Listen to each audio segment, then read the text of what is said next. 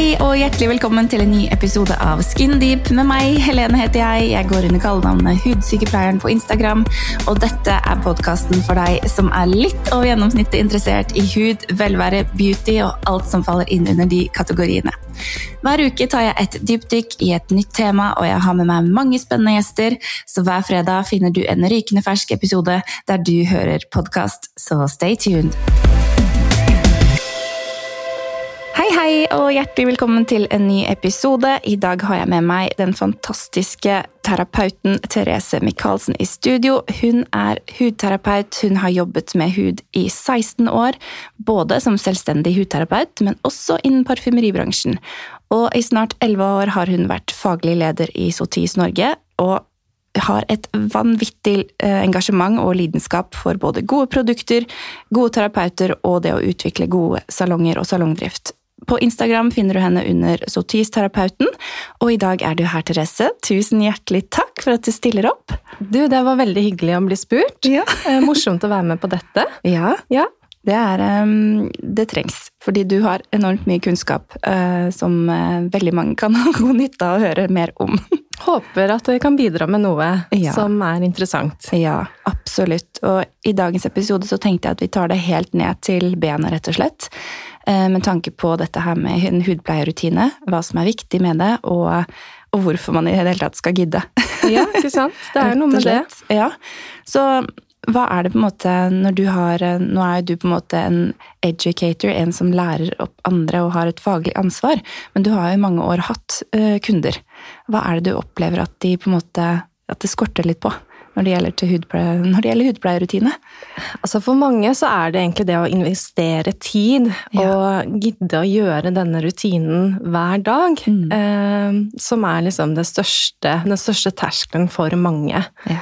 Eh, mange er flinke, eh, og så kommer det litt an på liksom, interessen deres, og at de faktisk bruker produkter og kanskje henvender seg til fagpersoner for å få produkter som, som er riktig for dems hud. Da. Ja. Eh, og det er kanskje først da, eh, når de får produktene som virker eh, for det de ønsker, at de faktisk gidder å gjøre jobben også, for da ser de at de får et utbytte Ja. av det. Ikke sant? For det handler jo, handler jo litt om det. Det jo, men det er jo ikke veldig mye tid vi kanskje ber de om å investere heller. Det er jo ikke snakk om en halvtime morgen og kveld. Det er jo ikke det. Nei, altså man kan lage hudpleieprogrammer for enhvert, eh, ethvert tidsbudsjett. Mm. Så det går an å gjøre det veldig enkelt, eller mer avansert. Avhengig av hvor mye interesse man har å stå på badet. Ja, ikke sant? Det, tidsbudsjett, det var, det var fint. Ja.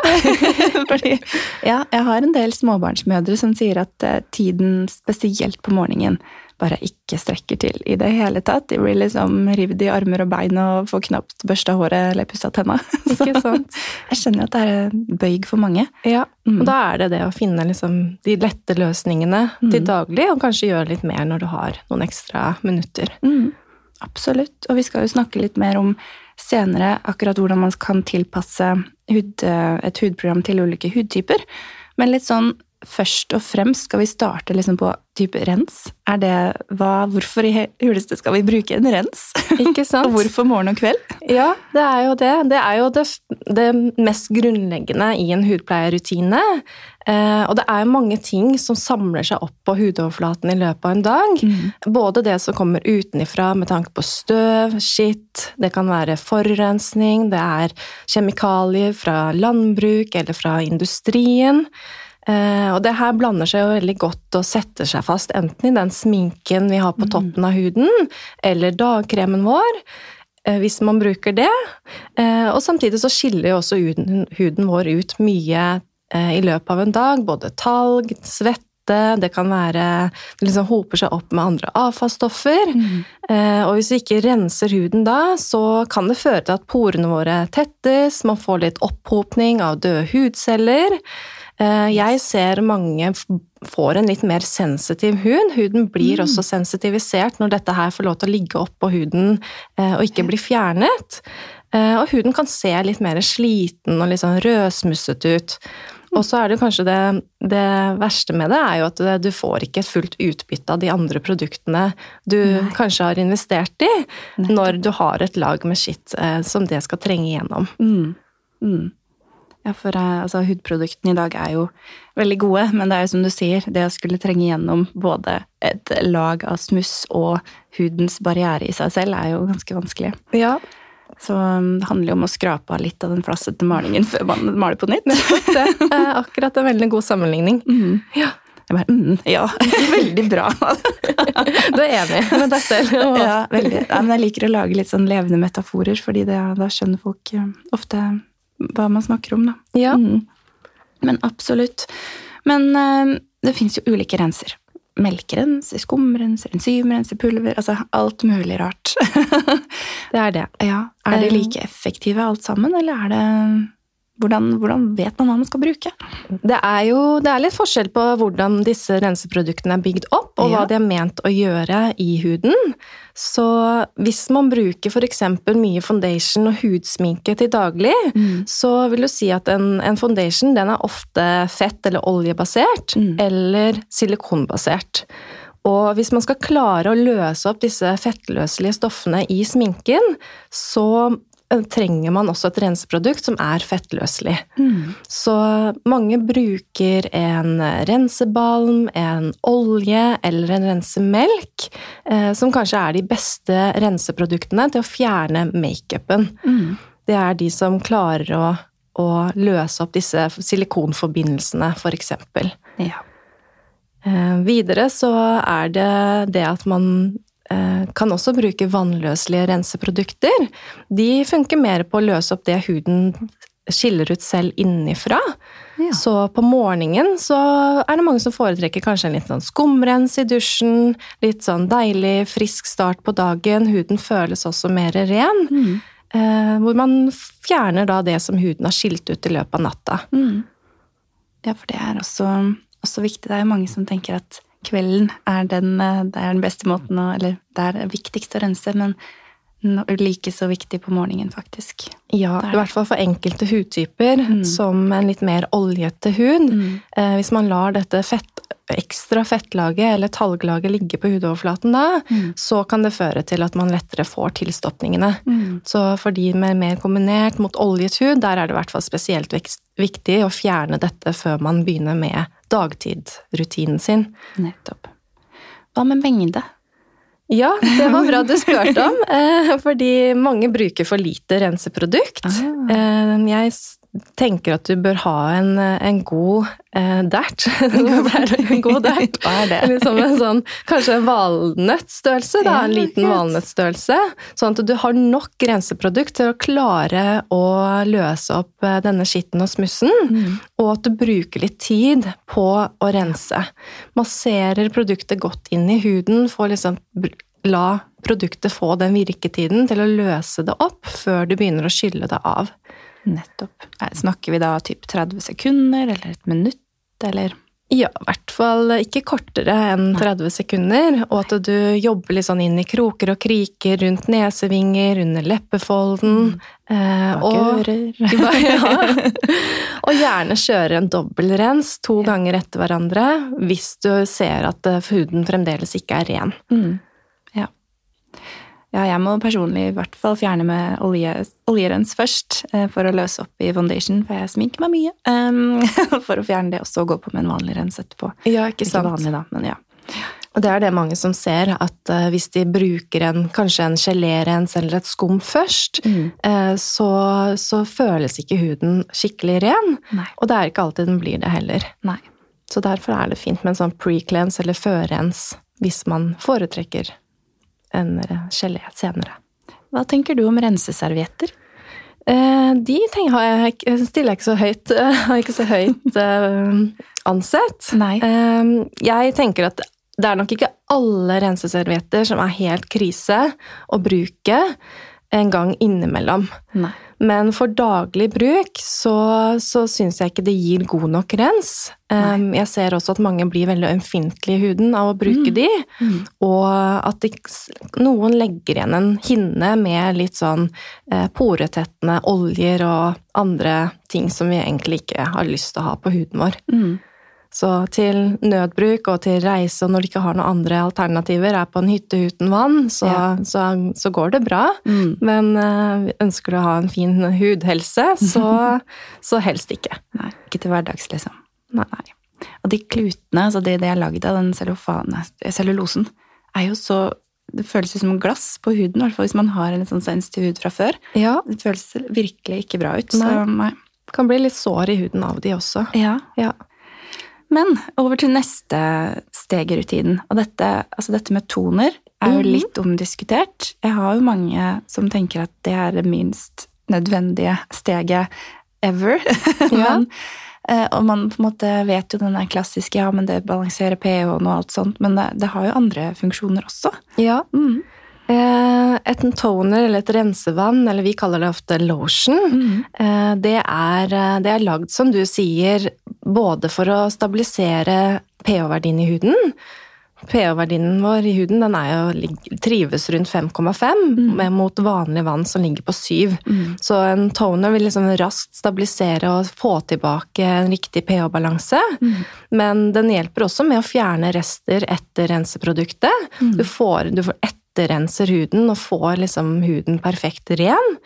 Og så er det, er det første steg i pleie av huden. Mm. Eh, tonerne kan ha ulike, ulike egenskaper. Noen er beroligende, noen er mer sammentrekkende. Du kan få mattene, du kan få de som gir glød. Mm. Eh, og denne toneren den lar vi gjerne sitte på huden og virke. Så er jo med på å bidra på liksom pleieprosessen av huden. Det er jo det. Jeg ser i hvert fall selv stor forskjell på min hund når jeg, hvis jeg dropper toner i en periode. Mm. Eh, kanskje slurver litt og bare eller har gått tom og ikke fått eh, hentet en ny toner på lageret.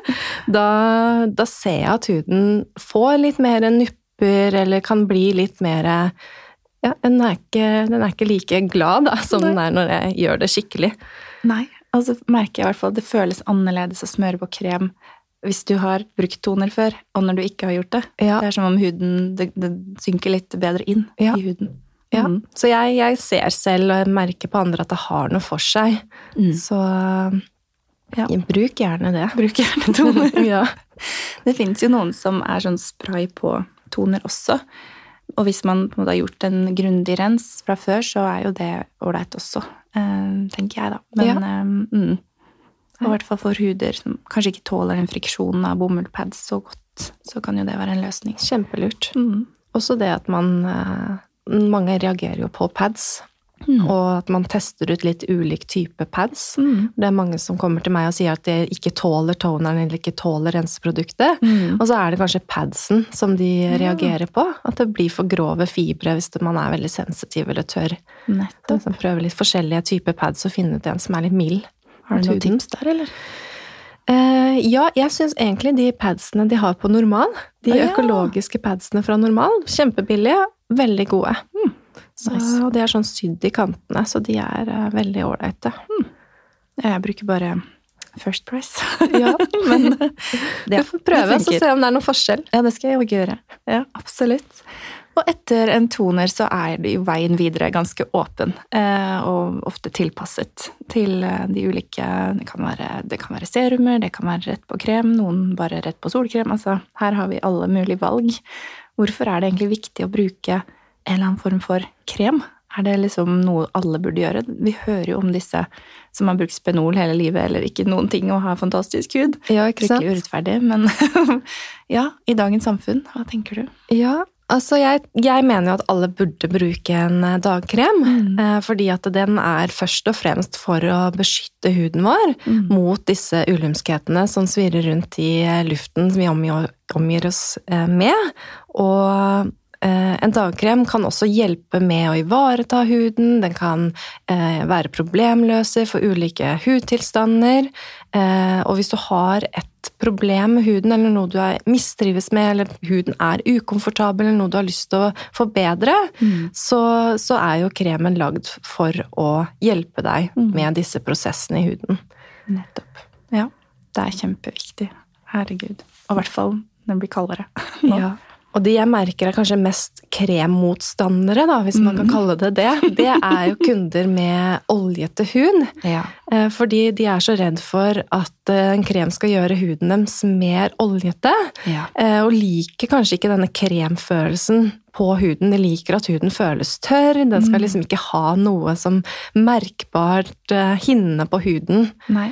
Så, men eh, selv om man har denne mer oljete huden som produserer mye talg eh, selv, så er det fint å få en krem som beskytter den. Mm. Eh, en oljete hud den kan også mangle fuktigheten sin. Mm. Så få en dagkrem som gir den nok fukt, og kanskje hjelper til å regulere talgproduksjon, matter huden i løpet av dagen, Mm. får sminken til å sitte bedre og finere og mer langvarig. Mm. Så det finnes en krem for alle. Ja. Man må bare finne den som matcher din hud. Ikke sant? Men vi vet jo at de fleste eh, av oss går på parfymerier og får eh, kremene sine derfra. Det er jo egentlig en veldig liten prosentdel som faktisk får profesjonell hjelp i en klinikk. Ja. Du har jo bakgrunn fra, fra begge steder. ja. Hvordan, eh, ja, kan du fortelle litt om hvordan det var å jobbe i et parfymeri, og hvordan måte du så at andre jobbet? Var det veldig random hva folk fikk med seg? Ja, fortell! Jeg er spent. Ja, ikke sant. Vi, jeg var veldig heldig, fordi det parfymeriet jeg jobbet i, der var vi kun hudpleiere som var Ah. ansatt.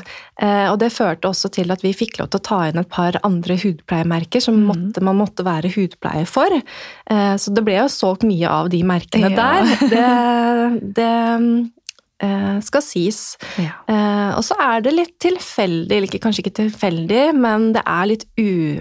Det er litt forskjell på hvilken opplæring man får i de ulike merkene. Mm. Så jeg husker jo fra starten, når vi fikk inn nye merker når jeg, som jeg ikke var kjent med, Mm. eh, og kundene gikk bort og spurte til hylla og spurte om kremer, så var det jo litt sånn Ja, jeg burde jo kunne det her, så ta med deg den, du. Den er veldig fin for din hud. Og så Ja. gikk man i etterkant og leste om det blei ble dette riktig eller ikke. Ja. Så jeg tror jo veldig mange som jobber i parfymerier i dag, er kunnskapsrike og liker jobben sin og, og setter seg inn i produktene. Mm. Um, men en, en, de gjør jo ikke alltid en grundig hudanalyse Nei. før man, eh, man foreslår produktene. Nei, det er. Og det er kanskje den store forskjellen, at vi har mer tid til å snakke med kunden, vi kartlegger huden, hva er det som påvirker denne huden, hva er det kunden egentlig er på jakt etter, hva er det de har behov for. Mm. At vi under en behandling da kan, kan eh, leser huden til kunden og se hvordan den responderer og oppfører seg, Mm. og derifra kan liksom skreddersy programmer som funker. 100% Ja, virkelig. Men sånn som det er nå, så virker det jo som at mange av produktene fra de store merkene eksempel, eller de små, begynner å nærme seg eh, medisinsk grad med tanke på hva de putter i. Ehm, Både på parfymerier også, men eh, ja, hva tenk, har du noen tanker rundt eh, det? Er det liksom like bra som det du får i en klinikk, eller er det et kvalitetshopp opp uansett? Jeg, eh, det er jo en eh, kan være forskjell på merke til merke. Mm. Eh, Jeg tror at man finner gode produkter i parfymeri, og jeg tror man finner de gode produktene i hudpleiesalongene, og det motsatte. Ja. Så det er veldig avhengig av hvordan produktene er eh, laget, Mm. hva de inneholder, av aktive ingredienser, hvor råstoffene kommer fra, Mm. forskningen bak eh, og uttestingen av produktene. Mm. Og det er kanskje det som er liksom den store prisforskjellen, er hvor lang tid det tar å lage produktet, utvinne produktet fra forskningsstadiet til liksom ferdig produkt, hva råmaterialene koster, og de beviste resultatene på disse produktene. Ja. Så jeg tror absolutt at Jeg tror egentlig alle serier har noe som er bra, og, eh, men kanskje ikke liksom hele serien er eh, den aller beste. Nei, Så jeg skjønner det er vanskelig for eh, sluttforbruker å, å finne ut i det havet av produkter man har på markedet i dag. Ja. Det, så jeg tror også avgjørende, egentlig det vi kom tilbake til det vi sa, det er egentlig terapeutens ekspertise. Ja. Eh, og det er jo vår jobb som hudpleiere, eh, eller de som jobber med hud, å velge de merkene man virkelig stoler på, kan stå inne for, vet man får resultatene, man får de gode tilbakemeldingene, Mm. eh, og setter seg godt inn i disse produktene, for å virkelig kunne liksom eh, anbefale riktig produkt til riktig hud. Ja, det tror jeg også. Helt klart. 100 ekspertise. Ja. Men eh, litt over til noe annet, fordi jeg har mer lyst til å jeg har, mer lyst, jeg har lyst til å bli bedre kjent med deg som person, fordi du er så sprudlende og glad og har så mye å by på. Så jeg har et nytt segment som heter 15 spørsmål. Eh, så de vet ikke du om fra før, så nå blir det litt sånn satt på spissen. Ja, nå skjønte jeg, jeg ble veldig spent. Men eh, det første er eh, hva er din favorittbehandling, og hvorfor? Så det er alltid vanskelig å velge mellom favoritter. Jeg har mange favorittbehandlinger. Mm. Eh, og jeg liker jo behandlinger som gir kunden en, både en opplevelse, men også gode resultater. Mm. Eh, så vi har så mye gode ansiktsbehandlinger, kroppsbehandlinger, men det jeg som er en av mine fanesaker, da, det er dette med fuktighet. Kommer stadig tilbake til viktigheten av en godt hydrert hud. Mm. Som kanskje blir litt undervurdert. Ja. Eh, som er liksom det fundamentale og elementære i huden vår. Så jeg vil egentlig slå et eh, slag for en god, gjenoppbyggende, litt sånn intelligent fuktighetsbehandling. Mm. Eh, som gir en plømper huden og setter i gang hudens egne fuktighetsmekanismer. Det må bli det. Ja. Bra svart. Har du et favorittprodukt of all times? Kan være hva som helst. Å nei. nei. Det, det spørsmålet har liksom venta på å få en vakker dag. Og jeg kan liksom sette opp en topp ti-liste. Men uh, å velge ett produkt er kjempevanskelig. Uh, vi i den serien jeg jobber for, så har vi et serum eh, som jeg syns er spesielt interessant. Da. Eh, og dette serumet det er for en voksen, moden hud. Det er for en litt skjørere hud som kanskje har begynt å miste liksom, fastheten, hudtettheten, den mm. dermale vitaliteten, fordi at celleprosessene begynner å gå saktere.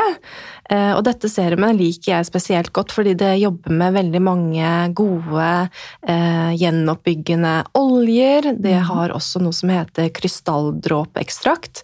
Og dette jobber med noen interessante proteiner i huden som heter foxo- og klotoproteiner. Oh, yes. og de går på celleoverlevelse, ah. som gjør at liksom cellene fortsetter å gjøre jobben selv om man når kanskje pensjonistalder og ting mm. går saktere, så jobber det med celleoverlevelse.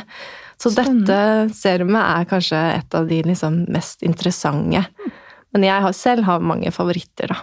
Hva heter det serumet? Det heter Reconstructive Youth Serum. Mm -hmm. Litt sånn inspirert av mesoterapi med vitamincocktail og megafettsyrer. Så det gir en sånn skikkelig boost til huden og bygger opp hudstrukturen og hudbarrieren mm. for de som har begynt å miste den, den eh, støtten i huden. Spennende. Men hva er din signaturparfyme eller duft, om du har noen? Og jeg er jo en sånn eh, som elsker dufter. Ja. Alt som lukter godt, om det er såper eller duftlys eller jeg elsker eh, dufter. Og der tror jeg ble litt sånn bransjeskada når jeg ja. jobba i parfymeri. Ja. For jeg syns mye lukta for sterkt, så syns jeg nå liksom dufter er veldig spennende. Mm. Eh, jeg er jo fan av parfymegarderobe, ja. så en litt sånn duft til hvert humør. Mm. Eh, så jeg på mitt bad så har jeg mye gode eh, dufter. Og vi i merket jeg jobber med, Sotis, så har vi også, også parfymer. Og jeg vil si at vi har én veldig god dameparfyme, mm. som er liksom kanskje en av de beste parfymene jeg kjenner til. Hva heter den, da? Jeg må jo spørre. Eh, den duften heter Secrets Dissotees. Ah. Så den har eh, litt roser i seg, den har litt solbær, den har Den er både litt sånn sensuell, sødme, men lukter liksom sånn eksklusivt. Jeg får sånne mm. franske mademoiselle-vibber. Ja, ja, ja, Går i Paris og lukter sånn. Det passer, passer det, veldig godt sammen nice. med bildet. Veldig bra. Hva er din eh, mest brukte emoji på telefonen? Oi! Ja, jeg eh, Nei, hva skal det ha vært, da? Det er eh, Jeg bruker mange av disse smileysene for mm. å mhm. liksom kommunisere sinns, hvilken humør man er i. Så liker jeg hun derre yogadama. Hun som ja. sitter med litt sånn meditasjon eller zen. Det er liksom nice. ting i. Det tror jeg zen. aldri har brukt. det. Eh, te eller kaffe, og hvordan eh, liker du det? Du, jeg er både og. Ja. Eh, jeg er kaffemenneske på, på morgen og jobb. Mm. Når jeg egentlig ikke har tid til å sitte ned og nyte, da, jeg, da går det i kaffe. Mm. Te det drikker jeg gjerne når jeg skal sitte på kafé og skravle med venninner eller er på besøk og har liksom tid til å kose meg med tekoppen. Mm. Så det ja takk, begge deler. Ikke sant? Å, så bra. Eh, søtt eller salt? Eller sweet or savory? Ja, salt. Ja. ja. Musikk? Hva slags eh, musikk eh, er du glad i? Og jeg får jo pepper av samboeren som syns jeg har så dårlig musikksmak. jeg liker egentlig mye forskjellig. Jeg kan høre på rock, jeg kan høre på listepop, jeg kan ja. høre fra, på afrobeat på fest. Det er liksom ja. å være litt sånne rytmer. Jeg sånn... syns det er gøy å danse og ja. ja. Men jeg har egentlig ikke noe sjanger. Nei. litt sånn, ja. Easy going. Ja. Så bra. Hva spiste du til frokost i dag, da? I dag eh, ble det to knekkebrød. Ja. ja med pålegg. Så norskt. ja, ikke sant? ja, men det er bra. Eh, har du noen Netflix-serie eller noe sånt du binger om dagen? Vi er akkurat ferdig med å se Squid Game, da, ja. Eh, med samboeren.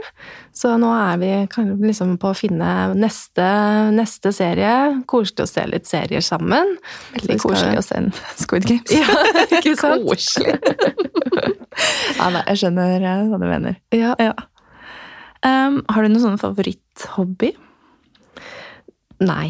Uh, jeg Min fritid, der liker jeg å være med venner mm. og venninner. Uh, hvis vi kan dra på en jentetur eller dra på en hyttetur, så syns jeg på en måte det er det som beriker livet. Mm. Uh, er ikke så mye tid til hobbyer i en travel hverdag og som tobarnsmor. Nei. Så det er Men hadde jeg hatt tid, så, så ville jeg nok ha, ha gjort mer trening, og jeg elsker å drive med yoga og egentlig litt sånn stresse ned. Mm kanskje burde hatt satt av litt mer tid til sånn egenpleie og ja. Det man veit man burde. Det man veit man burde. Ja. Helt riktig.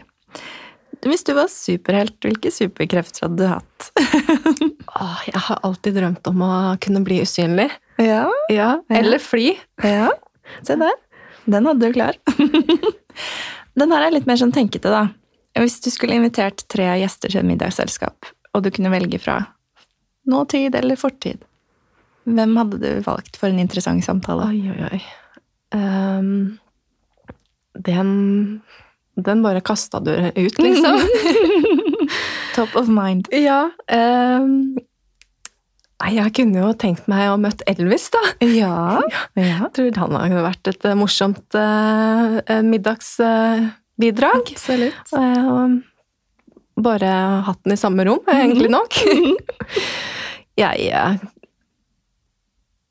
Ja, du spør utrolig vanskelig. Hvem skal man velge, da, til dette her? Det er Deg og eh, Elvis. Hvem ja, det holder egentlig. Det holder, det. Stopper der. Kan vi ikke heller kjøre en date? Jo. det syns jeg var lurt. Eh, lur løsning. Men hvis du ikke hadde vært i denne bransjen, hva hadde du holdt på med da, tror du? Jeg har jo også en passion for interiør, mm. Eh, så når jeg blir voksen, pleier jeg å si at kanskje jeg kommer til å jobbe med noe med interiør. Ja. Jeg syns jo også det med salonginteriør, å lage salongkonsepter, mm. er veldig spennende. Så liksom, hvis det går an å på et eller annet tidspunkt kombinere de to lidenskapene der, da, mm. så tenker jeg men interiør er også liksom høyt på lista. Ja, så spennende. Herre min. Men um, over på noe litt annet. Har du en favorittaksent fra hvor som helst i verden som du syns Oi, det er nice å høre på? Ja. Altså, jeg er jo blitt veldig glad i det franske språket. Mm. Vi jobber med franske produkter, og vi har jo kurs ofte med franskmennene, og hvordan bare de prater og uttaler de engelske ordene som de snakker med oss, da. Mm. Så jeg vil jo si at jeg syns fransk aksent er veldig pent. Mm. Og sånn syns jeg jo sørlandsdialekten i Norge er veldig fin. Ja, den er så koselig. Ja. Herre min. Um, har du et godt råd eller noe livsvisdom du kunne gitt videre? Som du har fått eller opplevd? Altså, det jeg kanskje ville ha gått tilbake og sagt til meg selv da mm. når jeg var yngre, så er det liksom bare sånn ta det litt mer med ro. Mm. Det kommer til å Ting går ofte bra. Ikke sant? Eh, man trenger ikke å prestere så mye eller være så mye eller Nei, være Det er en klisjé, da, men bare mm. være deg sjøl og prøve å bli trygg på seg selv. Mm. Det, det trenger ikke å være så mye mer enn det. Nei. Nei, det er sant. Og det finner man ut i 30-åra. Så egentlig litt seint. Ja, det er det. det, er det. Jeg kjente veldig på det når jeg var ung og skulle starte hudpleiesalong. Ja. Og var veldig fersk, og man er jo usikker mm. i starten. Så, så, var det liksom Man ønsket å prestere veldig. Mm. Vise at man kunne dette. Og jobb, måtte jobbe litt hardere for å få kundene også til å stole på seg når man ja. er så ung. Man får litt sånn gratis eh, kred bare man blir voksen. Ja, det er sant. litt urettferdig. At man, eh, får man to barn, så, så er man liksom eh, plutselig mye mer til å stole på. Ja, ja. ja det er helt sant. Den er mm. Men hvis vi skal ta det litt over på dette med hudtyper For mange vet jo ikke hvilken hudtype de har. Og hvis de først liksom skal ut og finne seg en, en rutine, så er det jo lurt å å vite litt om det først. Ja. Så er det noen enkel måte å på en måte få folk til å vite hva de har? Ja, så man kan jo starte med Hvis man går liksom på de viktigste hudtypene, da, så har man f.eks. de med sensitiv hud.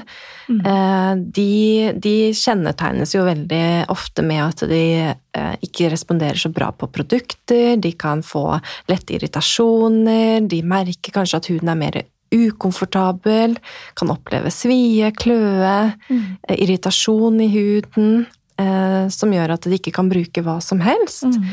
Eh, og de er jo ofte veldig bevisst på at huden deres ikke tåler alt. Ja. Så der er det jo å navigere frem til å finne de produktene som funker for en sensitiv hud, som kanskje mm. kan hjelpe med å bygge opp hudbarrieren, gjøre huden litt mer balansert, gjøre det at den ikke reagerer så lett på ulike påkjenninger, mm. Eh, og egentlig bare berolige den og, og prøve å styrke den, sånn at den mm. tåler litt mer eh, og ikke blir så hissig. Ikke sant. Har du noen gode ingredienser på lur da, som folk kan se etter? Eh, for en sensitiv hud så kan man jo se etter mange av disse naturlige pleiende oljene mm. som hjelper til å bygge opp eh, hudbarrieren. Der er bl.a. bomullsfrøekstrakt en veldig god ingrediens. Eh, den bygger opp hudbarriere. Man kan se etter ingredienser som termalvann.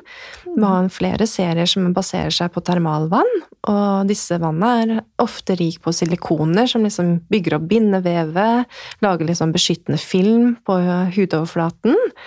Eh, eller så har man jo patenol, som er mye brukt mm. på irritasjoner, brannskader, for å liksom lage en barrierefunksjon, da, hvor mm. huden ikke har så god barriere selv. Nettopp. Mm. Og det er jo kanskje mye av det samme med den tørre hudtypen. Men hvordan vil den eh, beskrives? Hvordan vet man at man er en tørr hudtype? Ja, en uh, tørr hud det er jo mer en kronisk hudtilstand. Mm. Huden er mer eller mindre tørr hele året. Og man opp man eh, ser det gjerne med at huden, eller huden føles veldig uelastisk ut. Den mm. føles litt trang, mm. som at den er et nummer for lite. Ja. Eh, man kan kjenne liksom at huden føles ut som den nesten skal sprekke på de tørreste partiene. Eh, og det gjør den jo noen mm. ganger også, bare ja. i liksom mikroskopisk grad. Og den kan se litt ru ut. Den eh, kan se, hvis man ikke behandler den, så kan den se litt sånn gusten og grå ut. Mm. Eh, fordi at det legger seg liksom et tynt lag med døde hudceller på toppen, mm. som, eh, som sånn, gir det gråaktige hud, utseendet. Ikke sant? Kanskje de ikke får sminka til å sitte så fint på ja, ja at det, hvis de flasser, da, så er det jo mm. veldig kjennetegn på at huden mangler oljer. Mm. Eh, for oljene hjelper til å lime hudcellene sammen. Mm. Så flasser du, så, så kan i hvert fall det partiet være tørt. Ja. Og litt de samme ingrediensene, eller tenker du på noe annet også? Ja, og gjerne berike med gode omegafettsyrer. Man kan bruke arganolje. Chiabøtter er jo en ingrediens som går igjen i produkter for en tørr hud. Mm. Ceramider, gjenoppbyggende. Eh, det er eh, Man kan også Produktene for en tørr hud de er jo gjerne formulert også for å sette i gang hudens egen eh, oljeproduksjon. Mm. Eh, for de som trenger å produsere for lite olje, rett og slett. Mm. Nettopp så har man det motsatte. Ja. De som har for mye olje. Ja. Hvis man er heller mer mot en kombinert hud, som kanskje blir litt uh, oljet i T-sonen, eller de som er mer oljet over det hele, så er det mm, Så merker man jo veldig på at huden blir blank, mm. uh, og du kjenner det kan ligge en sånn fetthinne på hudoverflaten, uh, som mange ønsker å matte ned. Mm. Og disse er jo også mer utsatt ikke nødvendigvis, men de kan også få mer tilstoppninger mm. Eh, hvis de ikke har gode hudpleierrutiner. Ja. Så der er det spesielt viktig å i hvert fall rense huden daglig, få bort dette som, eh, som tilstopper huden, slik at eh, man ikke får de unødvendige tilstoppningene, da. Mm. Nettopp.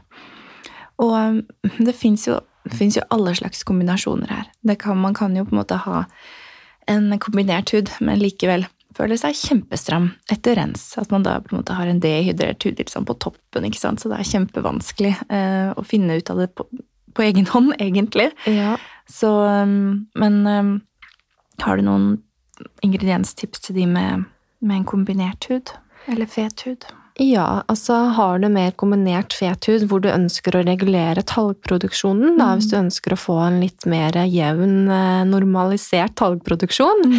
Eh, så har man eh, produkter som kan inneholde leirer. Mm. Man kan bruke rensevann med f.eks. kaloin eller hvit leire, som absorberer overflødig talg. Det er Eh, Sink mm. kan være talgregulerende. Den er også veldig fin på betennelsesdempende. Så hvis det er liksom fare for akne, og for å, for å unngå de verste eh, betennelse, aknebetennelsen og kanskje litt på arr, mm. arrdannelsen der eh, A-vitamin, retinol, ja. eh, det er jo eh, en superingrediens som virker litt sånn keratinolytisk og løser opp Eh, døde hudceller, eh, hjelper med hudfornyelsen. Eh, og du har ingredienser som for eksempel som går på lysne, lysne arr, mm. som lakrisrotekstrakt. Det er jo blitt lenge brukt som medisin også, mm. for å kan gå på liksom postakne-pigmenteringer. Liksom mørke pigmenteringene vi kan få etter en kvise, eller de røde pigmenteringene. Mm. Nettopp. Ja, men det er kjempebra. Takk skal du ha. Og det er jo Vi har jo tenkte vi skulle snakke litt om type prioriteringer også. For det er jo på en måte Alle har lyst på god hudhelse, men det er ikke alle som har mulighet til å kjøpe et fullt program. Hva skal man velge hvis man må velge bort noe? Og jeg tenker Det viktigste man bør gjøre med huden, da, mm. det er den daglige rensen. Mm. At man har et, et godt og tilpassa renseprodukt, mm. og at man bruker det. Ja, eh, også at du bruker en, eh, gjerne en øyekrem. Mm. En egen krem for øyeparti som er mer egnet for øynene. Unngå å bruke den vanlige dagkremen din under øya. Mm. Da syns jeg det er bedre å droppe det enn ja. å bruke den vanlige ansiktskremen sin på den tynne øyehuden. Mm. Eh, I tillegg til det så jeg, slår jeg slag for dagkrem for alle, uansett hudtype og hudtilstand. Eh, en, det fins en krem for deg. eh, og en UV-krem på toppen. Ja. Det er liksom det minste basic mm. Så kan man begynne å liksom utvide derfra etter hvert som man kanskje har mer tid, interesse, lommebok. Ja, ja. Begynne å liksom legge til litt og litt produkter om man vil ha en peeling, om man trenger en maske, mm. booste med et serum av og til. Mm. Nattkrem. Ja. Ikke sant. Og jeg tipper at um, Altså, et program skal jo vare en viss tid også. Minst kanskje halvannen til to-tre måneder. Og um, det er ikke så fryktelig mange kaffer som man kan droppe for å Det er jo mye rart man prioriterer, så hvis man bare skifter både tidsfokus og kanskje det økonomiske fokuset over på noe som vil gi deg en så stor gevinst i lengden, ja. så er jo det vanvittig verdifullt. Ja, mm. og vi føler oss jo veldig bra ja. når eh, huden er i, i, stabil og i sjakk og får den gløden da, som vi mm. alle ønsker å å utstråle. Ikke sant? Så det er en god investering, og ikke bare for der og da, men for fremtiden også. Mm. Det, jeg ser jo forskjell på hud eh, ut ifra hvordan den er ivaretatt. Mm. Så ønsker du en god, fin hud eh, om 20 år, så er det nå mm. du begynner. 100 mm. Eh, før denne mm, podden begynte, så la jeg ut en spørsmålsboks på min Instagram, på Hudsykepleien, hvor folk kunne stille deg spørsmål. Og det har jo kommet inn eh, noen som jeg tenkte vi skulle gå gjennom. Og et av de som jeg syns var mest interessant, er dette her med hvor mye kan ett dårlig produkt, i hermetegn, holdt jeg på å si, ødelegge for en hel eh, hudrutine? Ja. Og det er jo et stort spørsmål, med mange forskjellige svar. Men eh, ja, hvordan tenker du på det? Det er, eh, det er en kompleks spørsmål, det Ja. kommer an på hva slags produkt, og hvor i hudpleierrutinen du bruker det, og hvor ofte, om det er et produkt man bruker daglig. Mm.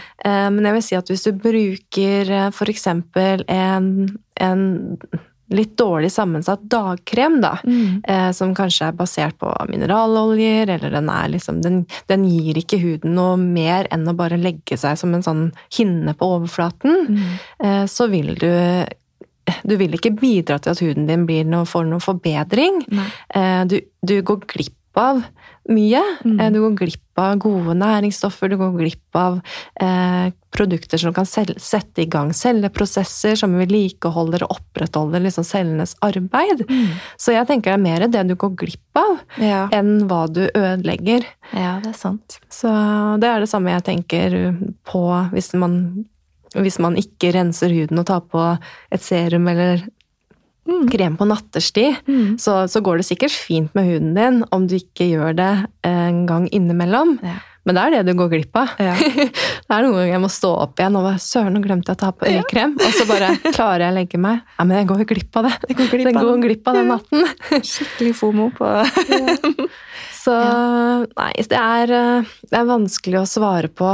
Mm. Eh, og hva er et dårlig produkt? Ja, ikke sant. Jeg tenker eh, hvis det er Hvis de produktene du skal bruke, ha på deg hver dag, Mm. eh, hele dagen, det er der man bør legge inn pengene. Mm. Andre produkter som skal kanskje vaskes av raskt, eller en skrubb eller piling, eh, som skal fjernes, eh, kan man heller eh, kjøpe på budsjett, da. Mm. Og så heller bruke, investere i de produktene som blir på huden.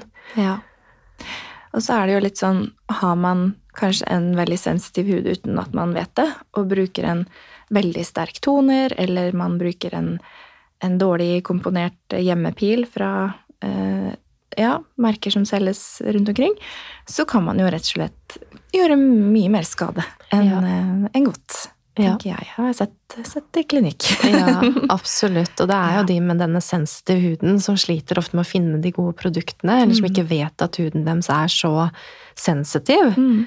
Eh, og det foregår jo litt sånne inflammatoriske prosesser i denne sensitive huden. Yes. Eh, og lar man det styre og gå, så, så vil jo det bidra til at man, man akselererer aldringsprosessen også. Mm. Så ja, det er, det er igjen tilbake til det å finne de produktene som, som er anbefalt for din hud. Mm. Eh, hvor du kanskje unngår å kjøpe mye bomkjøp, da, eller Ja. produkter du egentlig ikke trenger. Ikke sant? Og det er ikke sånn at alle hudtyper, alle hudpleiere har lyst til å dytte på deg mest mulig produkter. Nei, nei, Det er veldig lov å si at uh, man har et uh, minimalt budsjett. Mm. Uh, kan du anbefale med det absolutt nødvendige? Ja, ja, ja. For jeg vet at de fleste hudpleiere eller de som jobber i bransjen, er omsorgspersoner. Mm. Så vi er jo ofte redd for lommeboka til kundene våre. Ja. Passer veldig godt på de, og, Ja. og samtidig at vi vil at kundene skal få det de trenger. Mm. Det føles ikke noe godt å dytte på produkter, unødvendige produkter. Nei, de fleste av oss er jo ikke selgere av natur. Veldig lite. Så um, når folk kommer til meg og har med seg en pose med ting de bruker hjemme, altså det er jeg veldig glad for. Eh, Fordi da kan jeg nummer én se på hva det er, lese litt på ingrediensene. Um, og jeg tenker når folk, altså Hos meg så får ikke folk en konsultasjon gratis. Den, de betaler for den. Og da tenker jeg ok, men da betaler dere for tiden min og for min kompetanse. Da kan jeg gjerne gå gjennom alt du bruker for deg. Ja. Uh, og så hvis du liker, er veldig glad i noen produkter, så finner vi en plass for de. Så, det, så lenge det ikke hindrer da, Ja. resten av prosessen vi skal gjennom. Så det er jo som du sier, vi, vi er jo opptatt av at eh, at dere skal ha det best mulig med både hud og lommebok. Ikke sant? Og det går jo litt på vår samvittighet også. Mm. At eh, vi skal gjøre, føles godt når man drar hjem fra jobb og ikke Ja. føler at man har lurt noen til å kjøpe noe. Nei, nei, nei. Eh, Vi fleste anbefaler bare med, med liksom beste ønske for kundens hud, da. Ja. Og vet at hvis du skal få nå et resultat, så er det Så kan man komme eh, videre med disse og disse ingrediensene. Mm. Absolutt. Um, Det er litt sånn spørsmål rundt uh, UV-krem også. Uh, Veldig bra at vi begge kaller det UV-krem. Ja, det har jeg lært av deg, Helene. Jeg liker det ordet, så det har jeg adoptert. Så hyggelig. Eh, og for dere som ikke har fått med dere det, så er det på en måte Litt av bakgrunnen for det er jo at um, når man sier solkrem, så tenker folk at det er noe vi bruker når det er sol. Men det er jo for å beskytte oss i stor grad mot UV-strålene, og de er der hele året. Ja. Hele tiden. Når det er lyst. Der stueplanta di lever, der er det UV. Ikke sant? ja. Men hva er egentlig forskjellen på en SPF eh, 30 og 50, og er det eh, noe vits i å bruke solkrem, UV-krem, på barn hele året? Hva tenker du? Eh, ja, for å starte med det første, da. Så en SPF det står jo for Sun Protecting Factor. Eh, og, og en eh, solfaktor 30, den er ikke så mye lavere eh, beskyttelse enn en solfaktor 50. Eh, Jeg tenker at det viktigste med soling, det er jo ikke bli solbrent. Mm. Det er på en måte det, det farligste. ja. Ehm, med sola, men så er det jo det hva solkremen gjør mer utover det å beskytte deg mot solforbrenning. Eh, og der eh, er det jo for oss som er veldig opptatt av å ivareta hudens ungdommelighet, vi ønsker å bevare en fin hudtone, eh, jevn pigmentering, unngå unødvendig aldring, så, så vil de jo få litt mer UV-blokkering med en høyere solfaktor. Mm. Så det er hvor mange partikler, hvor, eller hvor mange prosent disse partiklene klarer å, å enten reflektere eller absorbere UV-strålene. Jep. Så jeg syns for, eh, for mange, hvis du, så holder det med en solfaktor 30 hvis du bare ikke vil bli solbrent. Eh, Men du vet, de- som er ekstra opptatt av huden, de går gjerne for en solfaktor 50. Mm. Og så er det jo noen ansiktssolkremer som er også hypoallergeniske eh, og formulert for en mest sensitiv hud. Så det kan jo også være spille inn på om du velger den ene eller den andre typen. Mm. Nettopp, nettopp. Eh, Bruker du solkrem på barna dine året rundt, eller? Nei, jeg gjør ikke det. Eh, og det er jo også fordi det er en kamp. jeg har ikke tid til å ta den kampen der hver morgen. Nei. Så det gjør jeg ikke. Eh, De bruker solkrem når de skal være ute i sola Mm. eh, og trenger beskyttelse. Jeg har ikke, ikke mulighet til å begynne med, med, med verdenskrig hver morgen. Nei. Uh, eh, I know. Ja. Så jeg tenker det viktigste er liksom den å unngå solforbrenning, for det er det som er farlig. Mm. Uh, og så heller beskytte de da med, med caps eller noe Mm. solhatt når det er sol. Men eh, jeg, har ikke, jeg bekymrer meg ikke så mye for aldringsprosessen i huden til to- og syvåringen min enda. Nei. Gjør du det, Helene? Ah, altså, jeg bekymrer meg for alt, men um, det, det hender på en måte hvis jeg vet at det blir kjempefint hver dag, så tar ta en liten kamp og gnir de litt, hvert fall litt sånn på Ja. nesa og kinn, men de har atopisk eksem, Ja. så de blir veldig, veldig fort um, både dehydrert og røde i huden sin, så jeg tenker ja, ok, da gjør vi det. ja. Men um, altså, vi vet jo at det varer jo ikke sånn kjempelenge, akkurat den beskyttelsen heller, så det er jo Jeg får jo ikke reiser jo ikke på skolen. Nei, det er ikke så på gæren. det er ikke så gæren. Ah, men det, det er nok mest for min egen samvittighet. Ja. ja nei, en, i, en ideell verden så Mm. kanskje man kan gjøre det. Mm. Um, jeg tenker det er mer viktig å passe på når det er sol, Ja. eh, strandliv, når du på vinterstid, når det er eh, sol og fint vær og refleksjon fra snø. Vi skal være Yes. ute. Mm. Så da tar jeg heller og velger mine kamper. Absolutt, det holder jeg med deg. Men kjære Therese, hvor er det folk eh, kan finne deg? Eh, Både på, på jobb og Instagram, holdt jeg på å si, hvis de ønsker å stille deg noen spørsmål eller eh, kontakte deg på noe vis. Hva, hvor, hva, hvor går de? Ja, de kan kontakte oss på Instagram. Enten via Sotis Norway eller da min egen eh, Sotis Terapeuten-profil. Mm. Den er litt mer sånn hudnerdete, så ja, der er jeg litt sånn ingrediensnerd.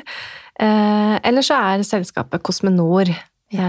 som fører disse produktene, da. Mm. Og jeg syns jo det er kjempemorsomt å snakke fag. Mm. Eh, og snakke med folk som har lidenskap for bransjen, eller er interessert i hudpleieprodukter, eller ønsker tips eller råd. Mm. Så det er bare hyggelig. Ja, så flott. Tusen, tusen hjertelig takk for tiden din, at du ville stille opp i dag. Det setter jeg enormt stor pris på. Veldig koselig å bli spurt og få ja. være med. Ja, alltid en glede. Tusen hjertelig takk til dere som hørte på. Så sier vi ha det bra, og vi ses eh, neste uke. Ha det! Ha det bra.